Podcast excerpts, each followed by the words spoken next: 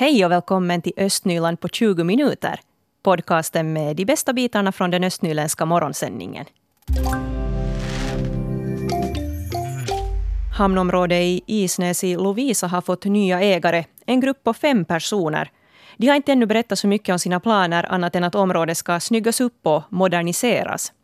Vår reporter Mira Bäck hon åkte till Isnäs för att höra vad Isnäsborna tycker om det här. Här utanför Isnäs bar, eller egentligen Café och bar Tirko som det heter nu för tiden, så träffar jag Isnäsbon Christer Alm. Vad tänker du om det här att Isnäs hamn har fått nya ägare? Och det har ju varit tal om det en tid så nu har det då hänt liksom. Det var nu, ännu medan vi den gjorde den där affären så var vi inte ens säkra på att var den såld men nu måste vi tro att den är såld vid det här laget. Det här hamnområdet i Isnäs har varit i dåligt skick med en massa skrotbåtar som har varit svåra att, att få bort men nu har de nya ägarna sagt att de ska städa upp hamnområdet och göra det modernt och livskraftigt men med respekt för historien och den gamla verksamheten. Hur känner du som Isnäsbo inför det här? Det låter bra om det sedan verkligen blir på det viset men att någon städar bort de här skrotbåtarna det är ju inte en dag för tidigt. Den här städningen av hamnområdet ska påbörjas ännu nu i, i höst och man ska då till exempel ta bort en, en båt som har sjunkit där utanför hamnen och så ska man också klippa ner högt gräs och ta bort bråte där från området. Och just nu där på hamnområdet så finns det ju en småbåtshamn och sen också det här ångmaskinsmuseet som Isnäs byaråd har hand om. Och nu som bäst så håller en arkitektbyrå på med att planera hamnområdet och de nya ägarna vill inte säga så mycket ännu innan de vet vad den här arkitekten då har kommit fram till. Områdets nuvarande verksamhet ska bli kvar men den ska utvecklas. Hurdan verksamhet hoppas du på att det ska vara i Isnäshamn i, i fortsättningen? Ja, om, om det, som jag sa, om det stämmer det som de säger så är det ju den, den linjen som vi har kört, försökt köra tiden, att hålla det som sådär grönområde. Och då passar inte de här storindustrierna, så vi har ju stoppat tidigare en skrotbåts handlare som var på väg in med en byrå och stoppade den. Men sen det här nuvarande som sedan kom åt Oderhamnen, så där har vi haft en del problem med dem, men det, det är gammalt. Vi bryr oss inte om det där mera, vi ser framåt nu då. Vi vet för lite ännu i dagens läge, men det låter ju bra, måste jag säga. Bättre än jag tänkt liksom, men vi får se. Om ett år eller två år så vet vi betydligt mer. Det sa Isnäsbon Christer Alm. Inne på baren sitter ett gäng Isnäsbor och diskuterar aktuella saker med en kaffekopp eller en ölflaska i handen. Någon undrar om båtplatserna kommer att bli dyrare och Peter Tupola säger att han har hört av företagare som hyr utrymmen på hamnområdet att de undrar om de kommer att få vara kvar. No, kun ei koskaan tiedä mitä sen tulee, niin muut hallit voi lähteä pois. Jag ringer upp Esa Keinänen som är en av de nya ägarna till Isnäs hamnområde. No ainakin tällä haavaa on tarkoitus, että pysytään ihan näissä nykyisissä kuvioissa, että, koska siellä nyt ei ole mitään suoranaisia muutoksia vielä tapahdu muutenkaan, niin ei me olla sinne vuokria lähdössä nyt ainakaan ihan heti korottelemaan. Tämmöistä ajatusta ei ole. Että tarkoitus on pitää kaikki niin kuin ennallaan toistaiseksi. Esa Keinänen säger att allt ska fungera som tidigare och hyrorna hållas på samma nivå åtminstone tills vidare. Några exakta planer på hur hamnområdet kommer att se ut i fortsättningen finns inte ännu. Men tanken är att blåsa liv i och ytterligare utveckla den servicen som finns på området nu. Enligt Keinänen så hoppas man till exempel på att kunna utvidga småbåtshamnen till en gästhamn. Det kan ändå ta några år innan man kommer så långt. Pikkuhiljaa lähdetään kehittämään, että mahdollisesti jos on, jos nyt ajatellaan vaikka esimerkiksi jotain vierasvenesatamaa, niin mä uskoisin, että käytännössä saattaa olla joskus parin vuoden päästä aikaisinta. Että kaikki ottaa niin aikansa ennen kuin pystyy mitään rakentamaan, kaikki luvitus ja kaikki. Että Enligt Keinänen så vill de nya ägarna till Isnäs hamn samarbeta både med staden och med invånarna för att få till stånd någonting fint. Och där hörde vi vår reporter Mira Bäck som hade talat med Esa Keinänen, Pete Tupola och Christer Alm. Och Isnäs hamn ligger ju på ett naturaområde och är en kulturhistoriskt betydande omgivning. Fram till 1990-talet så verkade Isnäs såg på området. I Nyhetsväg idag så berättar vi om Söderkulla skola i Sibbo som enligt ett förslag bör flytta in i Sipoonlahden koulu från och med nästa läsår.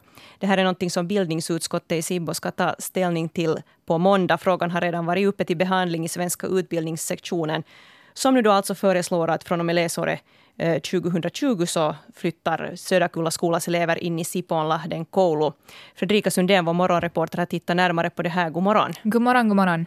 Du talar bland annat då med Hanna Hörhammer som är ordförande för Söderkulla hem och skola. Blev hon förvånad när hon hörde det här? Eh, hon konstaterar att hon nog blev lite förvånad för att att eh, kommunen eh, här för någon vecka sedan ordnade ett möte om eh, framtida planer för Söderkulla skola.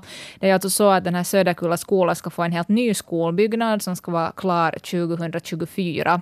Och under den tiden då så, så måste man endera vara i paviljonger eller sen någon annanstans för att den här själva skolbyggnaden är i dåligt skick där man har varit nu. Och där på det här mötet som man hade för föräldrarna så kom det nog ganska tydligt fram att, att föräldrarna gärna gärna skulle vilja att man stannar i de här paviljongerna. Och där hade man ungefär lite så här skrattat gott åt det här förslaget att eventuellt flytta till Sipoonlahden koulu och tänkt att det är nog knappast ett realistiskt alternativ. Men så var det det sen som kom som beslut där från svenska utbildningssektionen då när det var uppe där förra veckan. Ehm, det som Hanna Hörhammer sa åt mig här var att eh, efter det här beslutet i utbildningssektionen så hade ju dels klarna att eh, personalen vid Söderkulla skola och sen också vid den här finska skolan kanske inte så förtjusta i det här förslaget. Och de skulle gärna vilja stanna eh, där de är nu. Och samma med, med familjerna. De skulle också vilja att barnen stannar, stannar kvar där de är. Och jag frågade henne då att varför vill de stanna kvar där de är? Och då svarade hon så här.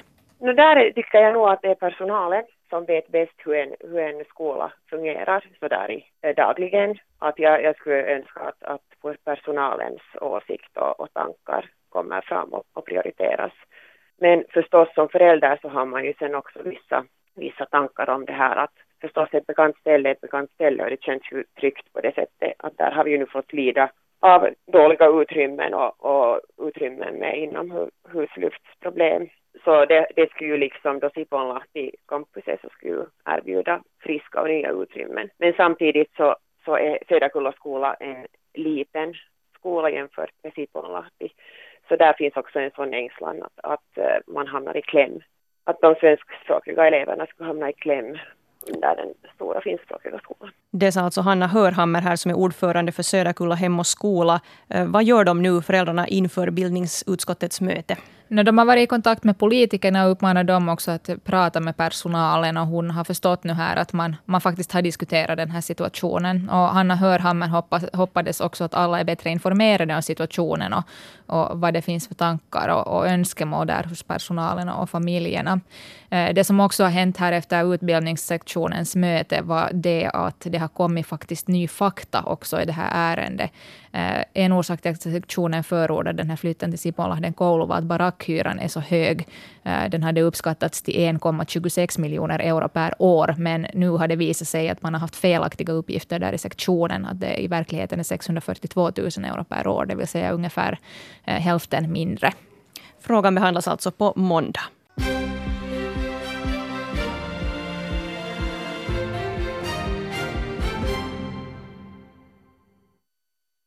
Klockan är halv nio. Nu nyheterna från Östnyland med Stefan Härus. God morgon. Borgostads ekonomi försvagas. Det här framgår av den ekonomiska uppföljning som blivit färdig. För tillfället ser det ut som om räkenskapsperiodens resultat skulle landa på drygt en halv miljon på minus. Enligt prognosen kommer budgetanslagen att överskridas bland annat inom bildningssektorn och inom social och hälsovårdssektorn. Orsaken till nedförsbacken är att utgifterna stigit mer än staden förutsett och att det förekommer skarpa kast inom skatteinkomsterna. Borgostad har ändå tills vidare i år inte varit tvungen att lyfta nya lån. I morgon stänger taxistationen vid Borgå torg. Taxistationen stängs eftersom hyreskontraktet för stationen och Taxi Borgos verksamhet har upphört. Byggnaden ska rivas så snabbt som möjligt. På byggnadens plats ska istället en WC-modul placeras. För taxin kommer det i Borgå centrum att finnas fyra reserverade områden, tre av dem vid Biskopsgatan. Företaget OP Försäkring ansöker om skadestånd av Borgostad för en vattenskada som inträffade hösten 2017 i ett småhus. Vattenskadan kostade fastigheten drygt 58 000 euro. En annan fastighetsägare söker ersättning på grund av en vattenskada som skedde i februari i år.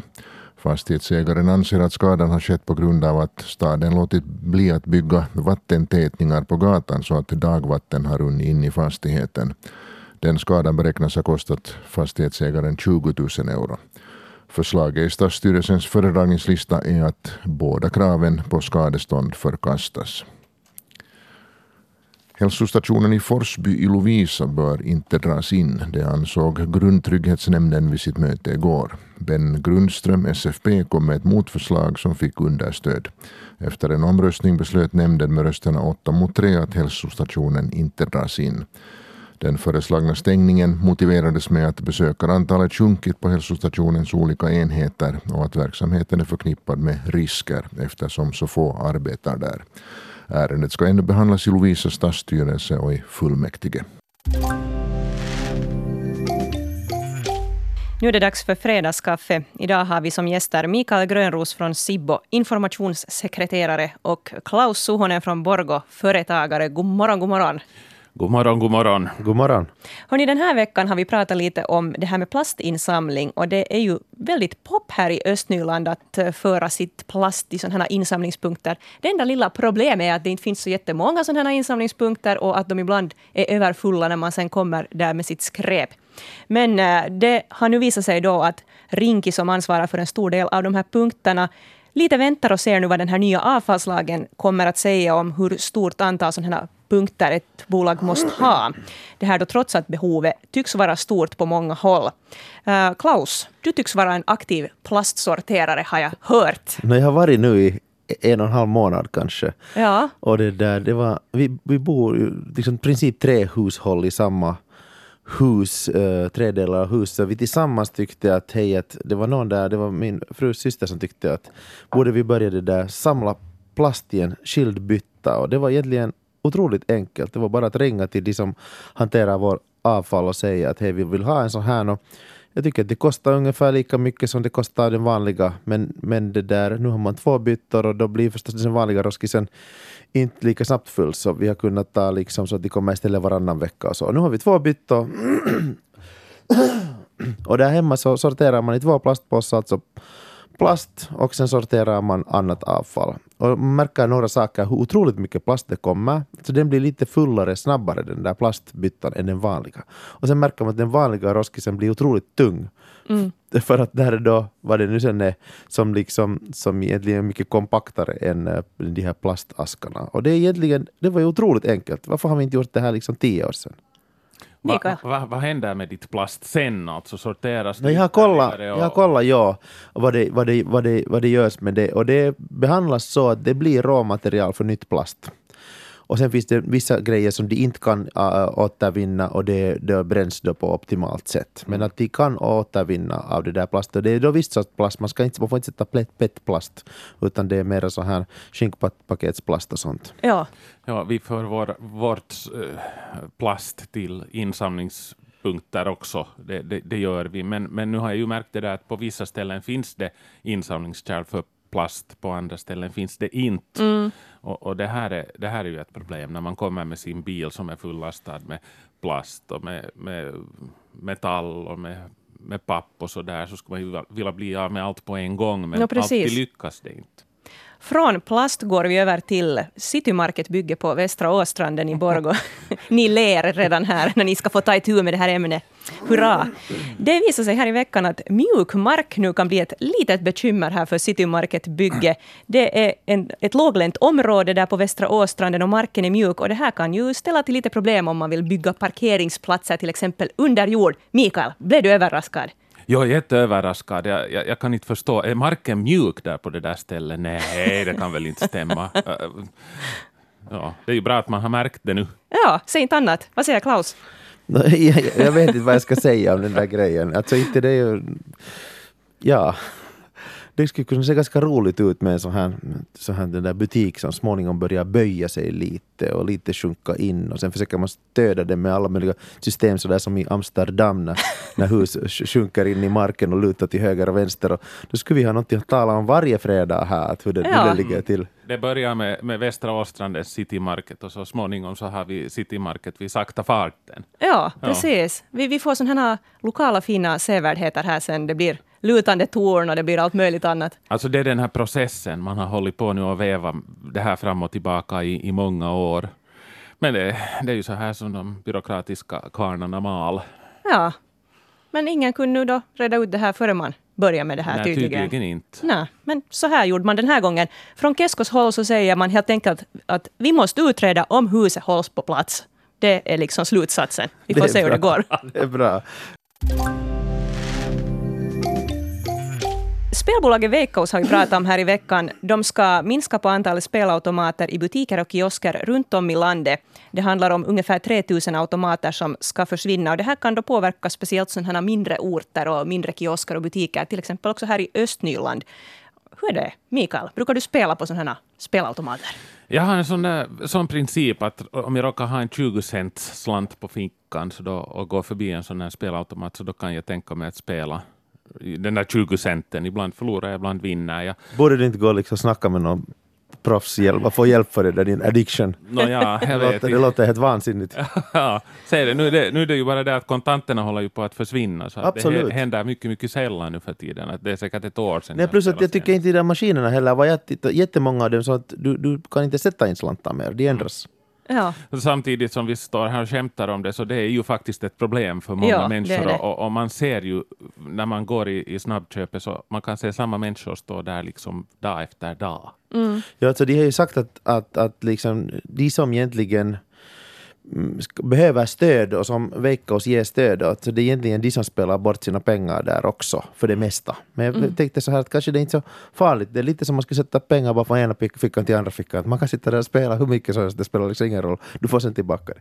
Nej, skämt åsido. Men att det är liksom, det är ju, det är ju lite tråkigt om det är på riktigt på det sättet. Att det där uh, människor, de, de, de som minst har råd spelar bort sina pengar. Exakt. Så vad tycker ni? Är det en bra sak om det börjar plockas bort från eh, kiosker och restauranger och butiker, sådana här automater? Vad säger Mikael? Jag funderar. Nej, ja, I princip jo. Ja. Jag, tycker, jag tycker nog faktiskt det. Jag tycker det också. För att liksom, sen är det någon som tycker att ja, men jag älskar att spela det där, men å andra sidan, jag tror att människan är sån att man hittar på sen annat att göra. Och, och det där, jag tror inte att någon egentligen blir lyckligare av att spela det där. För att du, du förlorar ändå på längden. Det är bara så. Du kommer alltid bara att förlora. Och det där, nu är det ju liksom, spela något annat, spela schack med din kompis. Samtidigt säger ju handelsmännen att okej, nu, ta, nu håller ni på att ta bort det, ett av de ben vi står på. Och, och så säljer de tobak och öl. Ja. Jag menar att Ja, det finns den aspekten och det, det kan jag inte uttala mig om. Det är ju möjligt att det är en viktig grej för men, men så här är det alltid liksom att man måste hitta på nya grejer och om det är liksom skadligt så Mm. Och en del tror ju sen att det här då gör att man istället spelar på nätet. Vad tror du Mikael om det? Ja, jag, jag tror att många av dem som står där dag efter dag inte är sådana som spelar på nätet, men jag kan ju ha absolut helt fel i det också. jag, jag skulle tippa på samma när man tittar på människor. Det är en viss åldersgrupp som spelar på nätet, ganska unga ofta. Ja. Okej, men ni var eniga om att det är riktigt bra det här att man kan plocka bort lite av de här automaterna? Ja, Ja. Ja, jag röstar för det. Då tycker jag att vi går över till vårt sista ämne, nämligen älgflugor som Usch. väcker starkare... Usch, säger du redan mitt i min presentation. Oj, de är så söta, de är så ljuvliga. de Jag väcker älskar starka dem. känslor, skulle Katarina Ja, säga. det var det jag skulle säga. Mm. Nu får du säga usch. Usch. Motivera, motivera. No, alltså, inte har jag egentligen någonting sådär i princip emot älgflugor, men nu är de ju besvärliga. De få gånger som jag rö- rör mig ut i skog och mark så blir jag ju liksom anfallen av dem. I och för sig tycker alla insekter jättemycket om mig, men, men de, är nog, de är nog besvärliga på, på ett, att- ett väldigt på att gå- besvärligt sätt. Har du testat på att gå i skogen utan den där älgdräkten du har köpt från Buttericks? Det funkar faktiskt mycket bättre. Nej, det har jag ja, inte gjort. De är så kivoga de där den hornmössan och allt det där. Ja. Ja, men vi ska ju tydligen nu då, vi ska inte klä oss i mörka kläder. Och, och Anders Albrecht som vi talade med här i veckan, han rekommenderar att man har en sån här heltäckande dräkt. Man kan ju prova lite olika grejer, kanske, kanske sån här vet du, kärnkraftsdräkt om man råkar ha en sån i lager, Mm. att det kan funka med älgflugor också, man vet inte. Ja, men nu blir det lite, lite tråkigt att gå i skog och mark då förstås. Man borde väl ropa att jag är inte en älg. Ja. Jag har en lapp på ryggen. Men har ni någon lösning på vårt älgflugebekymmer, om man nu då upplever att det är ett bekymmer? Så Stanna bort från skogen. det, är, det är lösningen. Ja. Vi blir hemma helt enkelt. Ja, in, inte är jag riktigt beredd att skjuta bort alla älgar och, och, och, rådjur heller. Nej, du tycker det är lite mysigt med älgar och Ja, hjortar? jag och tycker inte om rådjur. jakt överhuvudtaget. Mm, vad säger Klaus? No, det går ju att klä sig så att, tycker jag. I alla fall nu, jag, jag kunde inte gå i svampskogen förra veckoslutet, men, men min fru Lotten, hon är där hon är bra på att sätta skarfen riktigt tight och sen s- sätta, välja en rock var man får ärmarna liksom fast och så här och, och, och kragen tillräckligt hög och, och sådär. Ja. Och, och nu funkar det. Östnyland på 20 minuter är en Svenska Yle-podcast. Det finns flera poddar på arenan. Jag heter Katarina Lind. Tack så mycket för sällskapet. Vi hörs.